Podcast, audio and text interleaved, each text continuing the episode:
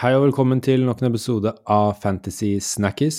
Mitt navn er Eid Olseboman, sitter her med min gode venn og kollega Eirik Dokse Eigerud. Hallo, hallo. Jeg sitter og koser deg i Spanien, har jeg kjent. Det gjør jeg, vet du. En liten ferie, og det kommer godt med når du har eh, fantasy-runder som den vi har hatt nå. Da er det der Ja, du kunne koble av litt. Dette er jo Er det tidenes dårligste double week, eller? Eh, Personlig, ja. Eh, Overall sett, eh, mest sannsynlig. Ja, det er eh, Jeg føler det er eh, egentlig manges frustrasjon denne runden her, at dette må jo være en av de dårligste double game weeksene jeg noen gang har vært borti, med tanke på så mye forventninger vi hadde når du hadde liksom Manchester City og Liverpool som skulle doble, og så ender det opp med å bli eh, så dårlig som det har vært. Så Det vi måtte kan jo bare bli sånn. Ja, så da tenker jeg vi bare begynner å prate litt om den double game-weekend, selv om det er litt tøft. Så hvordan gikk det for deg, Doxheim? Nei, det gikk jo ikke veldig bra, da. Eh, som veldig mange andre. Triple cap'n-runde. Satte den på Mm. Haaland. Eh, av transfer så henta jeg inn De Bruyne for Bowen, som jeg snakka om i forrige episode. Eh, og det var jo på papiret egentlig et veldig lett og bra valg. Endte jo ikke med å bli så veldig bra, men nok om det. Ender på 77 poeng og får da en, eh, en liten rød pil nede på topp 850 000 nå, eh, som er litt irriterende. Har to små grønne piler de siste rundene, og mister egentlig alt. Progresjonen der, da, på den her. Um, det var jo egentlig helt krise for alle double gameweek-spillerne, men ganske bra for de andre spillerne mine, som hadde bare sånn enkel gameweek. Så Ja. eh, som veldig mange andre. Haaland, som sagt, skuffer veldig. Hadde jo Var nesten oppe på to XG, i hvert fall over én XG mot eh, i første kampen der, hvem var det de spilte mot da? Det var Chelsea. eh, mot Chelsea, og at han ikke fikk med noe der, var jo helt, eh, helt krise. 1,71 XG siden han hadde der, så han skulle nesten ha to mål på de sjansene han brant. Uh, som er veldig skuffende, og så får han med seg ett mot, uh, mot Brentford, men åtte poeng på en triple captain, det er ikke uh, Eller ti poeng, da, totalt sett, er ikke veldig bra. De Bruyne også spiller 90 minutter den ene og spiller ikke noe i den andre kampen, som man for så vidt egentlig hadde kunne sett for seg. Det kom ikke som en veldig stor overraskelse, men skuffende at han også bare får med seg to. Ellers så er jo Saka Watkins de store stjernene på laget, to mål hver. Veldig glad for at jeg har valgt å stå med de nå. Eh, det Vi snakka jo om De har jo vært Det var en periode for tre-fire runder siden at de var ganske dårlige, selv om det aldri var noe reelt valg å selge dem. Pega at eh, jeg hadde mange andre skader og sånt, men deilig å, å få igjen for de nå. Og så har jeg Elanga som har med seg en ny return, som har gjort veldig bra for meg, faktisk. Og så er det helt krise bak, egentlig. Nå hadde jo eh, Totti en kamp i går som eh, det så ut til å kunne få med seg noe ganske lenge, men det røyker jo alt på slutten der, så skuffende egentlig overall. Ja, det er, det er veldig demotiverende når man sitter Hadde to dårlige runder før dette, men så følte jeg gikk inn i denne runden her veldig godt med alle disse double game week-spillerne jeg hadde, og tripla Mm. opp på City offensivt. Og, og hvis du tar med Joker-ligaen også, så hadde jeg jo fire offensive City. Eh, men City klarer å skåre to mål på de, disse to kampene. Eh, så det var, eh, det var kjipt, og ja, det er som sagt litt demotiverende når man eh, har planlagt så mye, og så legget så mye mm, egg in one basket, egentlig, da, for denne runden her, Mm. og ofra litt den runden som kommer nå, for, for den runden, og så går det som det går. og det er ikke alltid Man kan planlegge så godt man kan, men eh, det er jo spillerne på banen som må gjøre jobben for at man skal få disse poengene. Men eh, ja, jeg, er helt enig i at det må være den verste sånn double game weeken ut ifra forventningene eh, jeg noen gang har hatt. Eh, men likevel, jeg blir jo sånn sett en god runde fordi jeg har 90 poeng, som er bra det. Og så får jeg en rød pil på ca. 1% ifølge Live FPL, så jeg gikk ned et par hundre plasser eller noe sånt, til 64 000 overall. Så det var ikke akkurat så gærent, det, men det er jo litt fordi jeg tar en minus fire. Jeg måtte jo ta ut Trent uh, og ta ut Palmer for uh, van Dijk og Foden, så van Dijk gir meg jo avkastning. Jeg skulle gjerne sett at han holdt clean sheet i begge disse kampene, som Liverpool fort kunne ha gjort. I hvert fall i går mot Luton, så hadde jo egentlig Luton ikke så veldig mye å, å komme med, eh, for å være helt Nei. ærlig. Eh, Det var den eh, sjansen de hadde som de skårte, og så hadde de litt sånn farligheter, men de hadde jo aldri noen store sjanser. Eh, Så da det er kjipt at den ryker. han fikk jo en scoring, så det var jo kjempedeilig å se at han faktisk fikk seg en scoring. Så hadde han i tverrleggeren mot Brentford også, faktisk.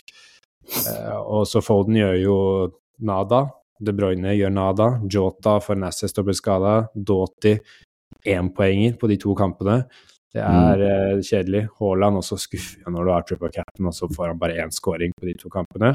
Men ja, har jo Solanke, Saka og Gabriel som egentlig drar, drar det lasset. Saka er jo får jo mest poeng av uh, alle spillerne mine denne runden her, og han er jo enkeltspiller. Samme Solanke, mm. mer, får jo mer poeng enn Haaland. Så jeg hadde jo tjent mer på triple cap for Solanke denne runden her.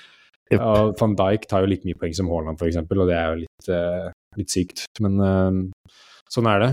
Og så får vi bare move on og tenke at det kommer en ny runde, og det er uh, mange runder igjen og masse tid til å snu dette her, så skal vi begynne å prate litt Game Week 26, Doxheim? Det syns jeg vi skal gjøre, vet du, så vi hopper rett inn.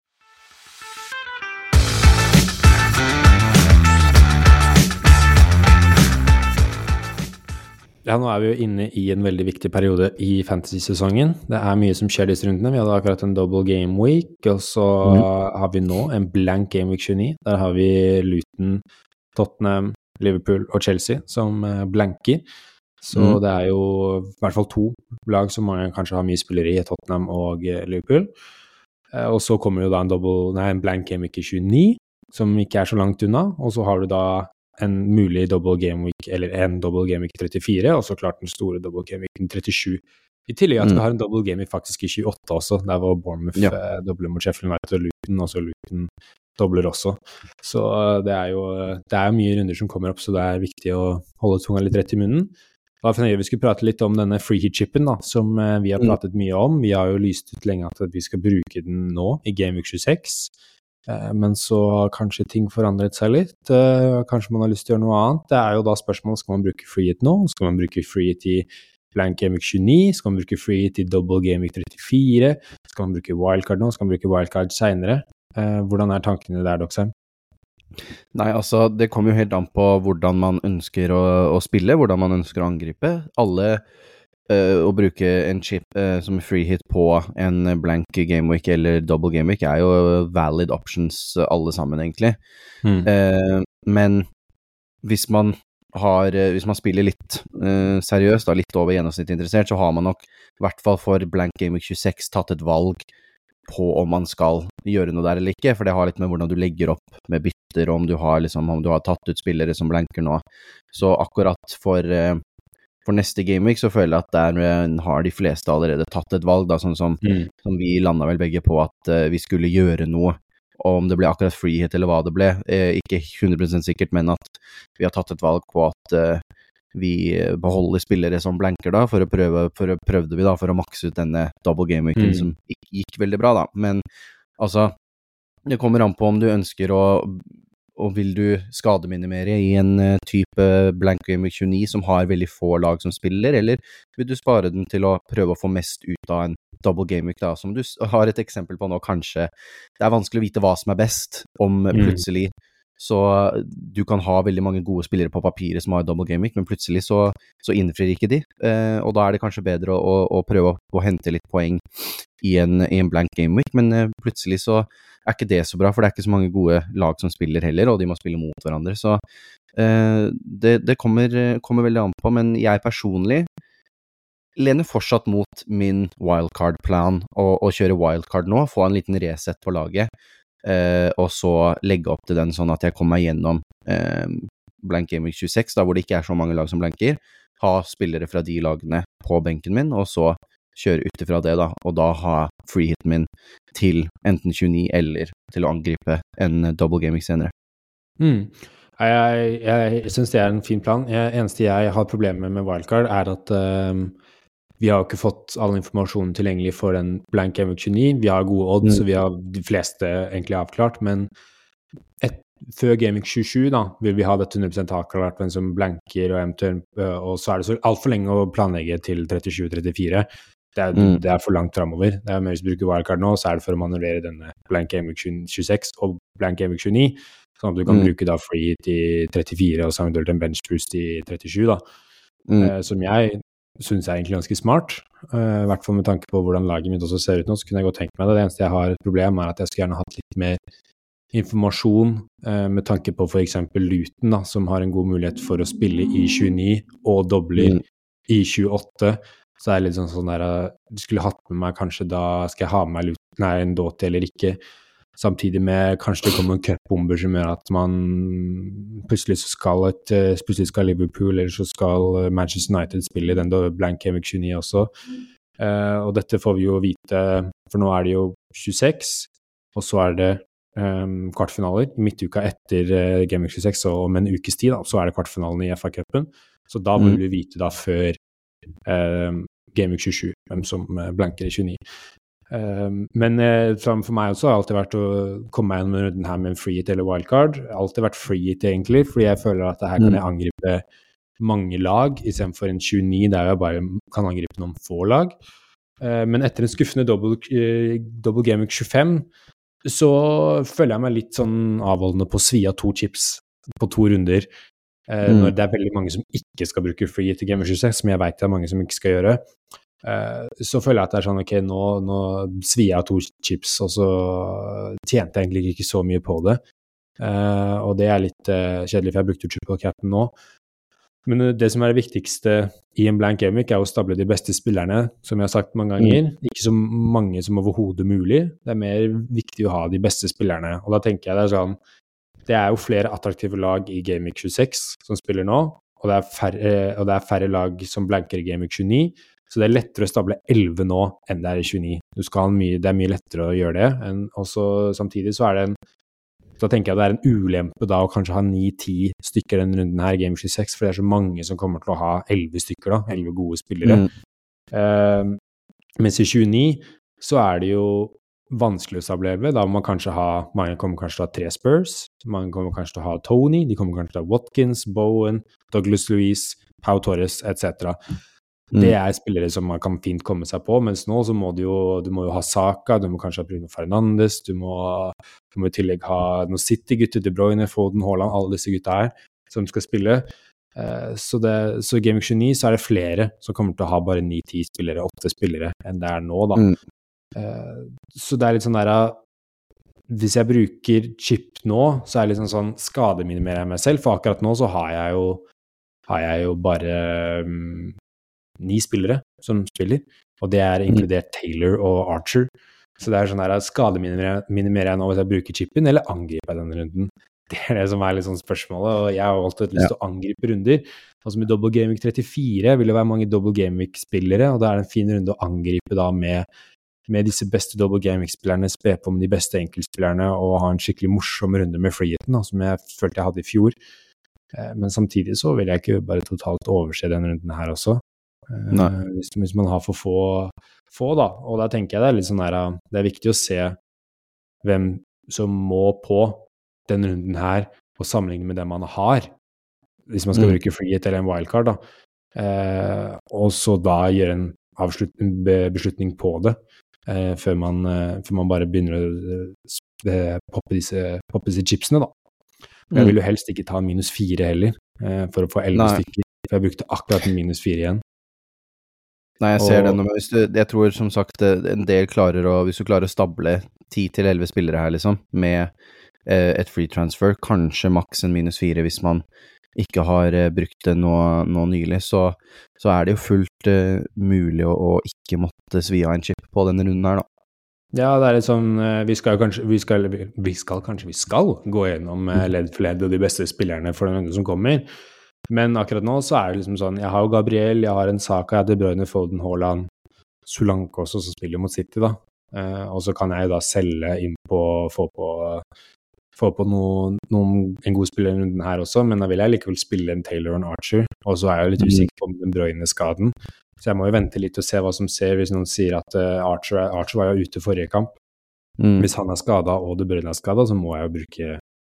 Da er det fort chips, free ja. eller wildcard, en av de chipene der.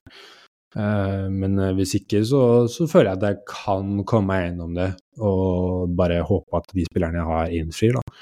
Og, Mm. og bare Istedenfor å føle at jeg må, må svi av to chips, og så kanskje ikke jeg tjener så mye likevel på freehiten, og så er- sitter jeg der da med uten triple cap'n og freehit i rundene som kommer. Da skal jeg ha Mm. litt, eh, ha litt flaks. Men uh, tenkte vi skulle gå litt eh, ledd for ledd eh, for å se hvem som er best. Hvis det er noen som er på free hit, så sier vi to spillere i hvert ledd. To-tre spillere, fire spillere. Eh, Mm. Som er best på et free hit akkurat nå. Samtidig så vi tar altså litt lyttespørsmål og hvordan man, hvis man ikke er på free hit i hvert ledd, hvordan man skal Mm. bruke byttene sine. Så da tenker jeg at det er litt sånn hvis, eh, at hvis, Når vi går gjennom til laget her, så kan man da sammenligne med det laget man har nå, da, og tenke shit, kanskje jeg skal bruke free hit. Kanskje for de som bruker free hit, vil ha disse spillerne. Eller liksom føler at nei, jeg er godt stilt for denne runden her, da. Så Mm. jeg tenker vi skulle begynne litt med keepere slash forsvar, og hvem er det du har notert der nede der? Nei, der altså. Ja. Og Mm. Da noterte jeg eh, i, i forhold til de spillerne som du, du kommer til å snakke om, da, som jeg også er enig i, så ville jeg også tatt en liten shout for eh, på keeperplass for en eh, David Raja fra Arsenal, som har vært eh, i ganske god form eh, nå i det siste. Eh, nå var det litt dårligere mot eh, Porto i Champions League i, i Mm. går, men eh, i Premier League har det vært eh, tre clean sheets på de siste fem kampene. Arsenal har vært i, i knallform etter eh, vinterpausen, egentlig. Har jo bare tapt den Champions League-kampen nå, eh, siden vi kom tilbake fra, fra den lille pausen rundt uh, i vinterstider. Uh, Mm. Og jeg syns Raja virkelig har tatt steg i riktig retning uh, etter at han hadde en helt ok start på Arsenal-karrieren sin. Har blitt bedre og bedre. Skal møte et Newcastle som har vært mye dårligere borte denne sesongen enn hjemme. Så han har en dårligere generelt har de vært. Veldig sant også. Og har en, eh, han koster 5,0, så han er litt dyr til å være keeper. Har en eierandel på 6,9% men eh, hvis man er på et free da, og man kan bytte ut keepere fritt, så syns jeg absolutt Raja er en man burde vurdere, men man må også se da Arsenal er kanskje et av de lagene man vil angripe mest på eh, en free denne runden her, og da må man jo se om det er verdt å ta en, en av plassene på keeper, da. Men du er ikke litt eh, Nå tror jeg ikke David Reiber blir eh, bytta ut, men f.eks. på forsvar så har jo noen Mm. notert ned sånn som Gabriel og Saliba er de to beste eh, Mm. mulighetene på et forsvar da, denne runden her, men du er ikke litt redd for at det kanskje blir noen rotasjoner i helga med tanke på at de skal da spille returkamp mot Er det om en ukes tid, eller er det de skal spille returkamp med en gang? Ja, jeg Eller mener er det. det, eh, må de vente faktisk to uker, for det er vel kanskje noen andre kamper som skal spille først? Skal vi se her eh, og Returkampen er eh, 12. Ja, da er det litt uh... Ja, ok, så da er faktisk ikke noe Da, er, da går det spørsmålet faktisk ut av lufta. Uh, Ja, jeg skulle spørre det for rotasjonen til. at vi skulle prioritere litt eh, den, eh, den kampen, men de er jo ikke i noen FA Cup-kvartfinale heller, eller femte runde. Så, så de har jo en ukes pause. Så de skal nok Og sånn som det står nå, så har vi ikke så mye å rotere med. Det er jo Juryen Timber er tilbake i, i trening eh, med laget, men Mm. Det er ikke Jeg Jeg vet ikke om at han var Arsenal-spiller, jeg.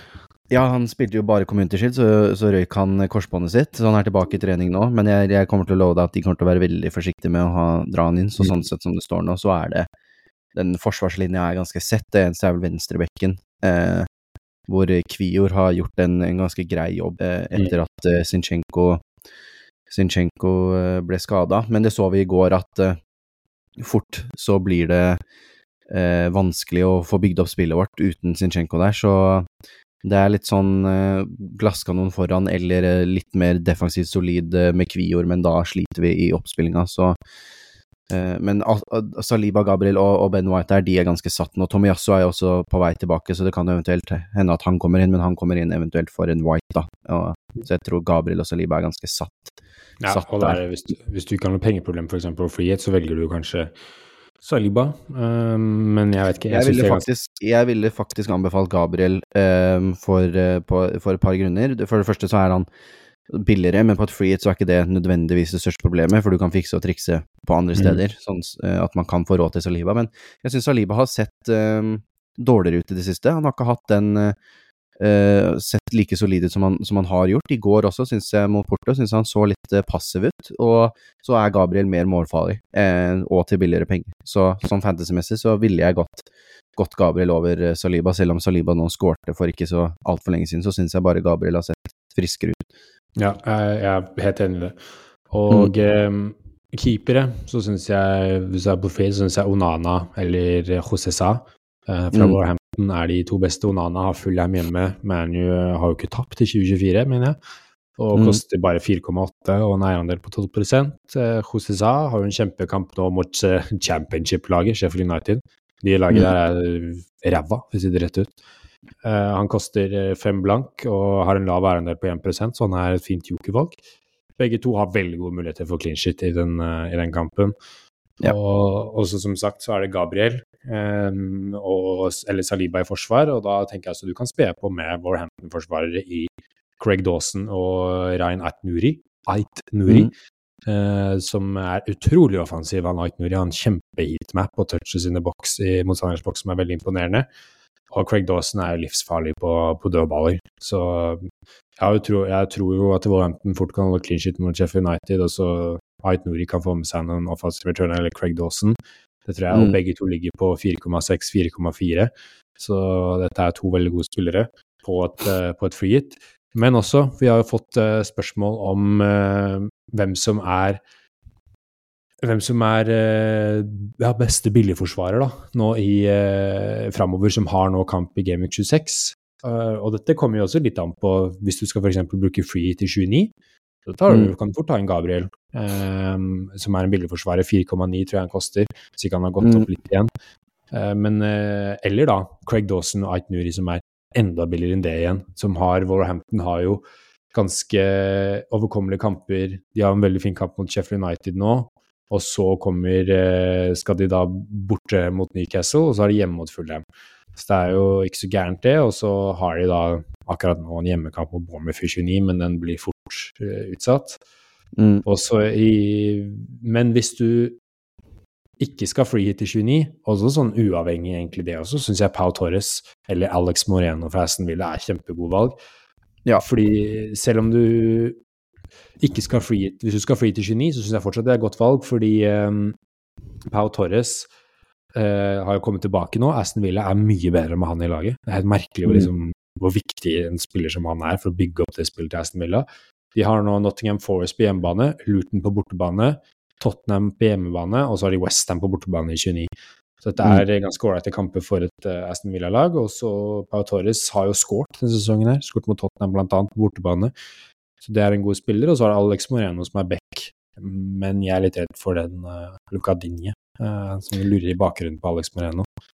Ja, altså Pau Torres er jo For det første er han billigere, eh, rundt 4,6, og han er mye mer sikra, sikra spilletiden der, og det er jo Aston Villa eh, som er laget som er best å angripe nå, med tanke på Mm. 29. Tottenham er også det, kanskje det, det er det beste laget, um, eller ligger jo ikke nesten like gode som Aston Villa denne sesongen, men de har jo ikke kamp eh, i 26, så det er ikke verdt å hente inn Tottenham-spillere denne Mm. runden, da. Eh, Ja, så da er det Aston Villa. Hvis du skal ha inn en spiller som spiller nå i 26, og billigforsvarer, så tror jeg faktisk jeg hadde sagt Pau Torres bare fordi de har fine kamper helt opp til 29. og I tillegg så vil du Ja. ha en spiller som spiller i 29. Så Pau Torres eller Alex Moreno, hvis du, hvis du har troa på at uh, han skal spille istedenfor Digne, men du, så har du Matty Cash, da. Men problemet er jo en eh, Konsa når han er tilbake fra skade, så, så tar han Mm. fort plassen til Cash igjen. Men eh, jeg synes Alex Moreno er jo veldig morsom å se på, han er veldig offensiv når han spiller, men eh, Mm. det Digne er jo minst like god, så det er vanskelig å vite hvem av de som eh, kommer til å få spille der. Nå har jo Mm. Moreno spilt mest i det siste, da, men det har jo erfart før, plutselig er Dinne tilbake i laget, og så spiller han fem kamper på rad, liksom. Ja. Um, og så har vi da i tillegg et spørsmål om man skal beholde en Pedro Porro, som har blitt skada nå. Uh, Mhm. På en smell rett før, uh, rett før ka- Game Week 25 her. Og han er jo en av de spillerne som har kamp i 29. Har jo ikke kamp nå uansett, så da tenker jeg du kan jo bare beholde han. Uh, fordi han kan fort være tilbake. Jeg mener de tror, tror at han skal tilbake til 29, og han hadde vel også svart på en eller annen tweet, så jeg nå. At han hadde skrevet 'Did I sell you my fantasy team?' Og så sa han sånn 'No, don't sell me'. Nå, ja. Eh, så eh, kanskje han eh, gjorde det for morsom, eller om han mener at han er straks tilbake fra skade. Får vi se. Mm. Får hvilt nå, hvilt nå fordi Tottenham ikke har kamp i helga, og så er det en eh, Gameweek 27 som eh, han fort eh, kanskje ikke rekker, men det er jo en veldig fin kamp hjemme mot Palace. Så er det bortekamp mot Villa, og så er det jo da i gamekamp i 29 mot, bortimot Fulham. Jeg er ganske sikker på at Porro er tilbake til den, så jeg vil bare beholde Porro til den, for han er en av de spillerne du vil ha i Gameweek 29. eh, Ja. om du er på flyet eller ikke, uansett. Det er en av de spillerne du skal ha. Eh, så han ville ha bare beholdt, og så er det spørsmål om som sitter i forsvaret, f.eks. For en Guardiol. Og samme hvis du har um, Ake eller Kyle Walker. Det er jo kanskje sånn Jeg vet ikke om det brenner mest der på laget ditt, men likevel. Jeg tror City er noe du kan begynne å kvitte deg med. Borte mot Ja. Bournemouth. Det er jo ikke verdens enkleste kamp. Solanke kan fort få med seg en scoring der. Hvis et City slipper inn, eh, slipper inn mål eh, enkelte tider, og så er de hjemme mot ManU, så er de borte mot eh, Liverpool, og så er de blank i 29 etter all sannsynlighet. Så dette er Også når de kommer tilbake fra 29, da, så skal de spille hjemme mot Arsenal. Så mm. City-forsvarer, om det er Guardiola, Ake eller Walker, det, det kan prioriteres ut for en Pau Torres, f.eks. Ja, helt enig, for der er det bare å For det første så tror jeg Guardiol Han har ikke vært så god som eh, mange håpet han egentlig skulle være, så rotasjonsrisken der er større enn eh, enn hos eh, andre, som for eksempel en Akeno, da, som virker å være ganske fast og bare det Jeg tror ikke det er verdt hvis du skal ha to City, da, er, vil jeg si er ganske greit å ha, men da må det være to offensive. Det, er- det er Mm. ikke, jeg syns ikke det er viktig å bruke en plass der på en, på en defensiv spiller. Da er det mye bedre å finne noen andre lag som uh, man kan ta defensive spillere av. Som sagt, Ja. det, så, det har ikke vært så mye poeng å hente der uansett, så da føler jeg at det blir litt uh, waste å ha en uh, City-plass der. Ja, helt enig. Skal vi gå over til midtbanen, da? Og Mm. her føler jeg det er veldig mange som eh, ser på Yota, som har blitt uh, langtidsskada, mest sannsynlig ute i resten av sesongen. Der landet eh, en stor og tung Nørgaard oppå kneet hans. Slapp unna riktignok en, en langvarig skade som hadde satt han ut av EM, f.eks., men eh, de, eh, de mener at han er ute en god stund, og det spørs om han helt tatt kommer tilbake på slutten av sesongen med tanke på at vi har et EM til sommeren som han muligens vil prioritere å være friskt for, enn å spille da de to-tre siste kampene for Liverpool. Kommer litt an på Mm. skadesituasjonen til Liverpool også, for i, akkurat nå så har du ikke noen spillere, egentlig. Så hvis Nei. det er sånn, så må han kanskje tvinges tilbake tidligere, men hvis sånn som Salah og Nunes kommer tilbake, så, så har de såpass god dekning at han kan få lov til å ta tiden sin til å bli frisk. Men akkurat nå eh, så tror jeg han er bare å selge. Eh, Og da er spørsmålet hvem er eh, de beste erstatterne for en, eh, for en Jota? Og hva tenker du der, Doxham? Nei, eh, jeg syns jo en Martin Ødegaard har vært i fyr og flamme i, i det siste. Eh, spesielt på et wildcard så syns jeg han bør, han bør inn, selv om han var eh, tilbake til Porto-kampen i går. Passiv, men det så hele Arsenal-laget ut. Men han har vært i virkelig eh, en av våre beste spillere nå i, i Premier League. Han koster jo litt mer, da, så det er derfor han mer sånn et, eh, hvis du er på free hit nå, da, å, å ta inn ham, for da kan du mikse og trikse litt med, med pengene. Hvis ikke så er det jo Eh, hvis du tenker fram til 29, så er jo gode spillere å, å eventuelt erstatte Jota med en type Hwang Chan på Wolves, Bailey på, eh, på Aston Villa eller en Kudus på Westham, da, som eh, vi veit spiller i de, eh, i de kampene. Og hvis man da også har planer om å bruke chip i 29, en type wildcard, så syns jeg også eh, Alejandro Garnaccio eh, er en liten shout til 5,0, 4,9 eh, eierandel der på et United som har vært eh, veldig i form i det siste og eh, fyller en, en god spiller som spiller på et for, eh, formlag som kan ta en av de billige midtbaneplassene. da. Og da tjener Mm. du litt på hvis du går ned fra han fra, fra Jota òg, da. Mm. Jeg er mm, enig i de valgene, og hvis man ikke bruker freehit nå, eller i 29, så, så bør det jo egentlig være Bowen, Kudos, Douglas Louise eller Bailey, etter min mening. Mm. For da, da kjøper du deg en spiller som skal også spille i 29. Ja. Men hvis man har tenkt å bruke free hit nå, eller i 29, så syns jeg det beste valgene er eh, Pascal Gross. Han er jo billig De Bruyne.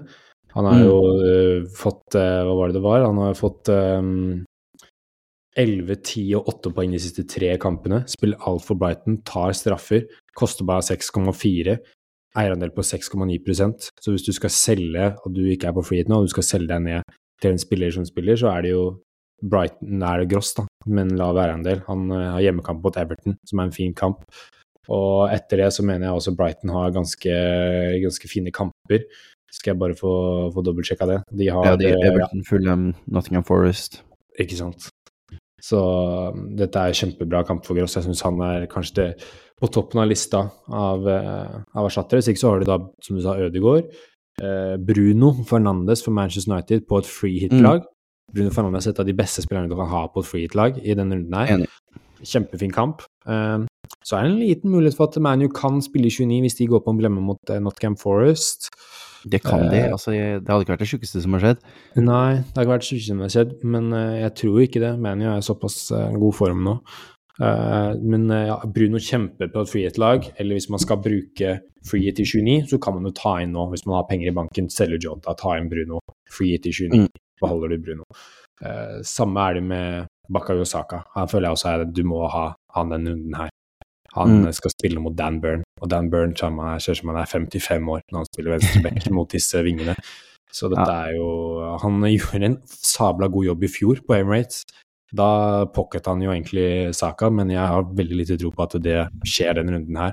Den formen Saka er i, og den formen Burn er i, så tror jeg det kan bli rimelig stygt for Dan Burn. Hvis ikke de Det blir slår tøffe 90 minutter for han. Han skal få kjørt seg.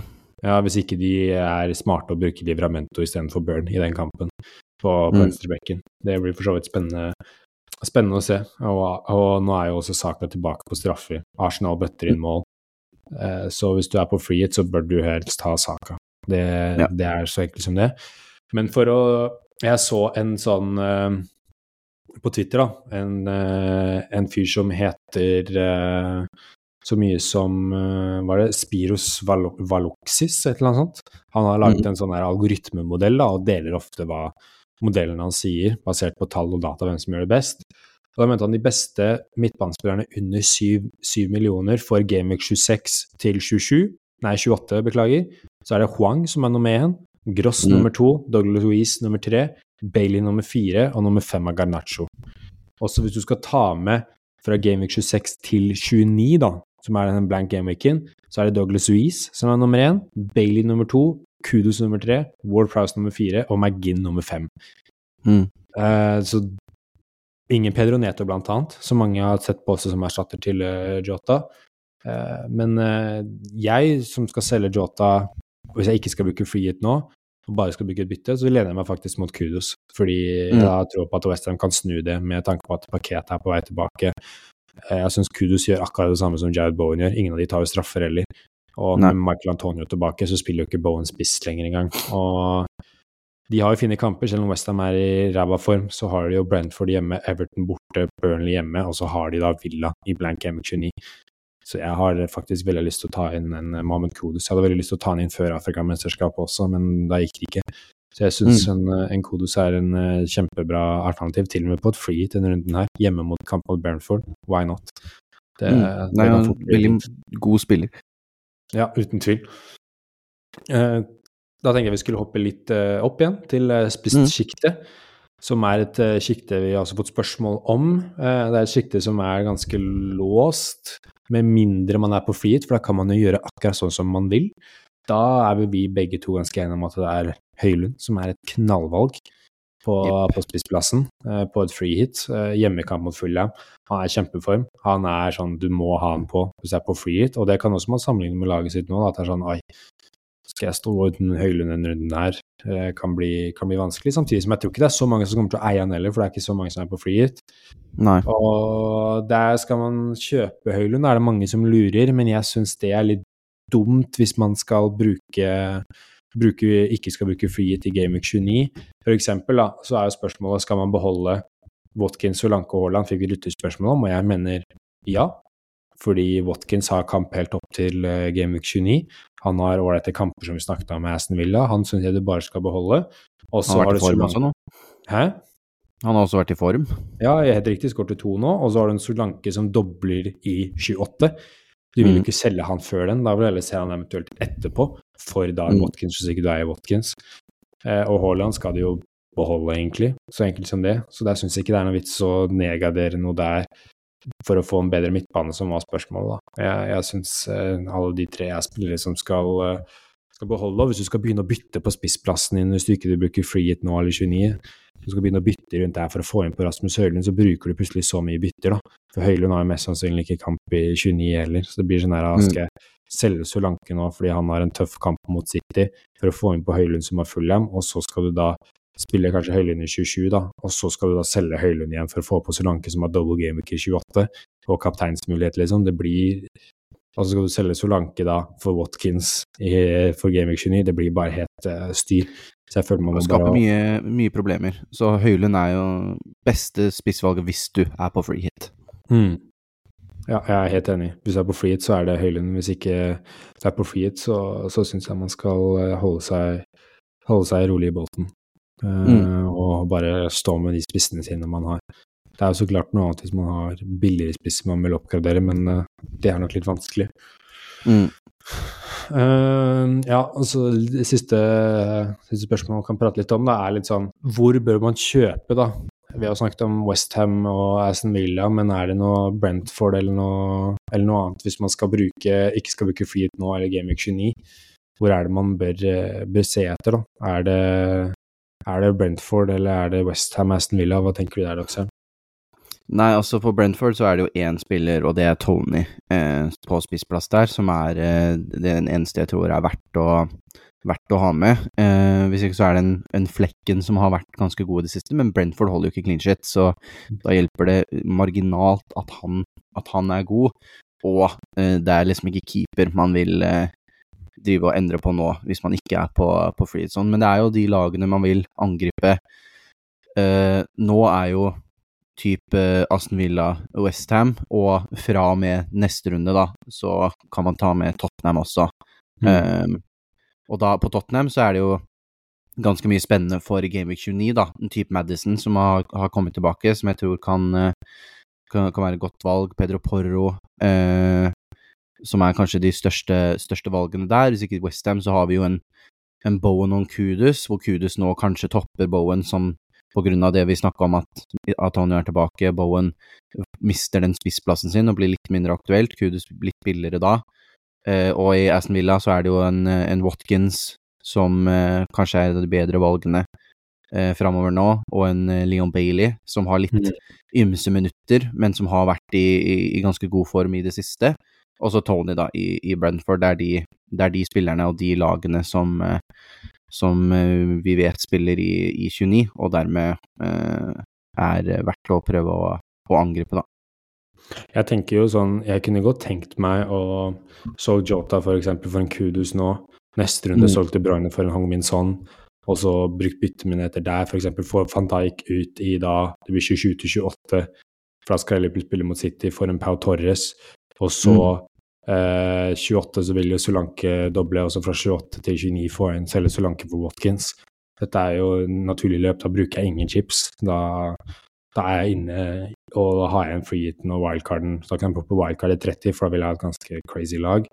Mm. Uh, og så bare kjøre survival instinct på denne runden her og håpe at det er ingen som er ute med skade, og håpe at uh, Saka, De Bruyne, Foden og, og Haaland henter, uh, og Gabriel henter nok poeng for meg, da. At det går fint. Men ja, etter runden der så syns jeg at Tottenham er noe man skal begynne å prioritere å få inn på, for det blir en sånn eller Madison eller Charleston blir utrolig viktig inn i den Game Week 29, da. Eh, Ja. Det er fort de som får, eh, får flest poeng der. Mm. Altså litt sånn for å, for å oppsummere, da, eh, denne, denne freehiten og tankegangen, så tenker jeg det er sånn eh, Fordelen med å bruke freehit f.eks. nå i 26, er at du angriper en runde der hvor mange ikke bruker freehit. Du kan søke oppside hos Manchester United f.eks., hos Arsenal, eh, hos eh, Brighton med Pascal Gross, ikke sant. Du kan søke oppside hos mange spillere som mange ikke kommer til å ha noe der. Wolverhampton, ikke minst, skal spille hjemme mot Sheffield United. Der kan du få på José Sa, Craig Dawson, eh, Pedro Neto eller eh, Huang Hichan. Eh, kan søke oppside der. Eh, nedsiden er at du kommer til å svi av ved chipet. Og så må Mm. du da planlegge f.eks. Gamic 29 og overleve dem. En double Gamic 34 må du planlegge byttene så ikke du står svakere stilt der. Eh, så det er nedsiden, eh, samtidig som at eh, også oppsiden er at du, så kan, du kan bruke eller en annen tankegang, at du kan bruke wildcardet nå, få på masse av disse spillerne, og så kan du bare bruke byttet inn og planlegge litt. Uh, men uh, jeg tenker jo at det her, den runden her, så, så du, du har en oppside med å få på disse spillerne ingen har, men så som klart store ulempen at du svir av et chip, og det er ikke nødvendigvis garantert at Wolverhampton slår Sheffield United, og at Brighton scorer mot. Ja, og Brighton skårer mot Everton, ManU mot Fulham. Du veit jo aldri hva som skjer i disse kampene, så Men sånn er jo fantasy, så Ja, det er jo ikke noe riktig, riktig svar. Vi kommer Nei. jo bare med, med fordelene og, og, eventuelle ulemper på det andre, så er det jo en, eh, et valg man må ta, og det er jo en, en risk uansett. Man må jo gamble litt. Mm. Det, er litt, eh, det er litt morsomt å gamble litt på en ja. free hit nå. Eh, det hadde vært litt morsomt å søke litt oppside og fått en knallbra runde og henta seg litt inn igjen og begynt å planlegge. Men jeg tror det blir veldig spennende å se hva Chris Wilder sier om Archer, hva Pep Guardiola sier om De Bruyne, og mm. hva som skjer med, med, skader, om det går an å komme seg gjennom uten å bruke freehiten. Det blir spennende å se hva som skjer, og hvordan det blir. Det blir spennende å se om du popper ditt wildcard, hvordan det blir. Skal nok eh... Ja, det blir Nå har vi også Deadline er jo seinere enn eh, en tidligere, for det er mm. Eh, fire kamper er de første på lørdag, så vi har jo ekstra, ekstra tid på, på, å tenke også. Da kan man sitte hele lørdag formiddag og morgen og tenke og mikse og trikse. Og, og ja, det blir eh, litt deilig lørdag morgen og formiddag. Ja, ja, ja. Skal vi ta litt spalter, eller? Det syns jeg vi skal gjøre, vet du, så vi hopper eh, rett inn.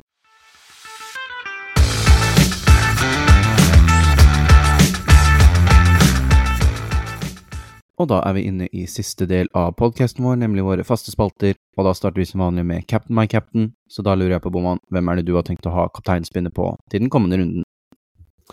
Nei, Haaland er jo så sinnssykt irriterende for mm. Fantasy Premier League. Det er dritirriterende, for han tvinger meg til å kapteine han om og om og om igjen.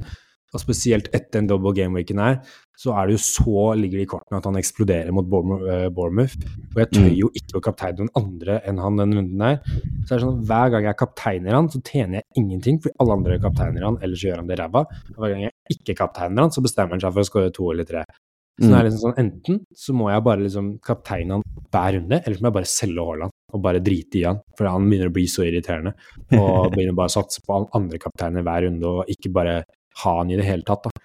Mm. Uh, men ja, det blir jo Jeg savner når han var skada. Da var det mye morsommere å ha kapteinstuell, Men det må jo bli Haaland mot, uh, mot Bournemouth, for jeg tør jo ikke gjøre noe annet så lenge jeg eier han. Så jeg må bare gjøre det. Og det er utrolig kjedelig, men uh, sånn har det blitt.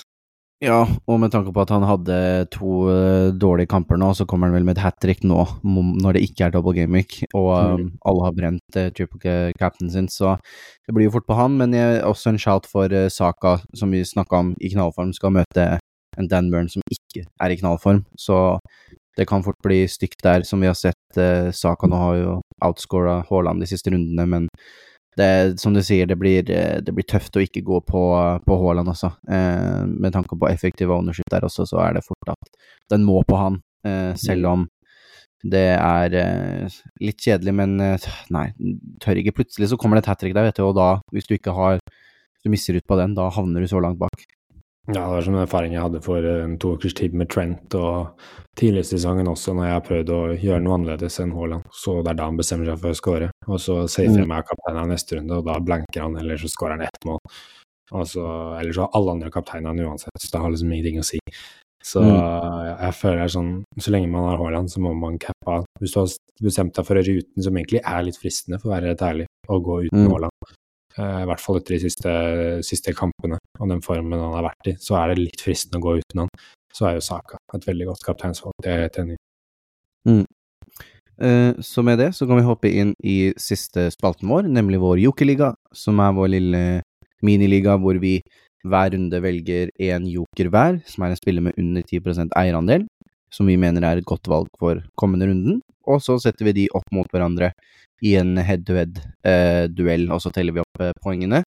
Forrige runde så var det nok en ganske svak runde. Jeg valgte å gå med Adebayo på Luton, som hadde double game week, men han ble jo skada, så han spilte ikke noe, og fikk mm. dermed null poeng. Så jeg ligger fortsatt på 81 poeng der, mens Boman kjørte Jeremy Doku fra City, som ikke fikk med seg veldig mye, men tre poeng mer, og tar bommen opp på 61 poeng der, da.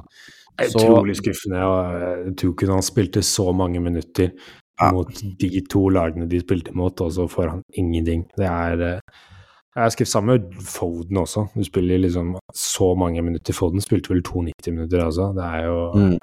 ja, skuffende, altså. Det er skuffende var litt tema for den double gameweeken her. Det, ja. det, må vi bare si. Men uh, da er det fortsatt jeg som får bestemme først, siden vi går på draft-prinsippet, at den som gjorde det dårligst i runden før, får velge først. Mm. Eh, og da var det to spillere det egentlig sto mellom for meg. Eh, jeg så på en Pedro Netto på Wolves, som har kanskje den beste kampen. Men jeg føler alltid at eh, hver gang jeg har gått for noen som møter Sheffield United, så blir det alltid at Sheffield United uh, spiller jævla bra i den, uh, i den, kampen. Så jeg tenkte å egentlig gå for en spiller på et lag som har vært veldig lite diskutert i Fantasy denne sesongen, og gå til United. Og da var det jo eh, Høylund først så til, men han har allerede kommet på over 10 eh, så han får man dessverre ikke valgt. Men det er en spiller som vi har snakket om tidligere eh, i episoden, eh, godeste Garnaccio, eh, mm. som eh, Godt valg har vært i, i god form. Eh, skikkelig dratetryne. Så det er litt sånn eh, jeg, har, jeg, har, nesten ikke lyst til å velge ham og vil at han skal gjøre det bra, men eh, han har en eierandel på 9,4% så han havner akkurat under. Og jeg tror ikke jeg har kjørt noen United-spillere hittil i år, så jeg tenker hvorfor ikke prøve oss på den, og går med Garnaccio der, eh, altså fra Manchester United. Nei, det er godt valg, det, faktisk. Ikke, mm. ikke dumt. Han er jo billig og kjempebra. Jeg tenkte jo også samme baner som deg, men for meg mm. så var det egentlig mellom uh, Gross og Huang Yi-chan. Og jeg mm. skulle egentlig tenkte kanskje du valgte en av de, så da skal jeg ta nummer én, var egentlig Gross. Og så hvis du valgte han, så skulle jeg ta Huang Yi-chan, eller Peder mm. Neto. Men uh, du gikk jo mot Garnaccio, som også er godt valg, så da står jo Gross der og gaper. Og ja, ja. da får jeg bare eh, velge godeste Pascal. Mm. Veldig, veldig god. Han er jo, kommer jo av nesten ja, den 11-10-8-poengere på rad, så med ganske gode sånn XG-tall også, så ikke Han har faktisk skapt ganske mye, så eh, et godt valg der også. Så da er det Pascal Gross fra Brighton for Boman og Alejandro Granaccio fra Manchester United for meg der, så spennende. Håper det blir litt mer poeng der. Jeg har fortsatt en 20 poengs ledelse, men uh, det er én-to uh, dårlige runder, det, hvor du får noe bra hits. Så uh, går de 20 poengene De blir spist opp fort, så mm. det blir spennende å se. Vi begynner jo å nærme oss Ja, det er jo over ti runder igjen, da, men vi, vi, begynner jo å nærme oss eh, slutten sånn eh, litt om litt, så det blir spennende å se. Så mm. med det så har vi kommet til eh, veis ende med podkasten, så da kan jo du si farvel, Boman, som du alltid gjør. Det kan du godt gjøre, vet du. tusen takk for at dere hørte på ukes episode av Fancy Snackis. Vi håper dere fikk noen gode råd og, som dere kan ta med dere inn i denne Blank Gameweek 26. Still oss spørsmål uh, på um, Instagram, X og eventuelt TikTok. da, uh, At mm. snakkes alle steder. Der er beste måten å få informasjon fra oss og stille oss spørsmål. Og igjen, så masse lykke til uh, med Blank Game 26, 26. Og så håper jeg dere har en fortsatt strålende uke og har en kjempefin helg. Ha det godt. Ha det, ha det.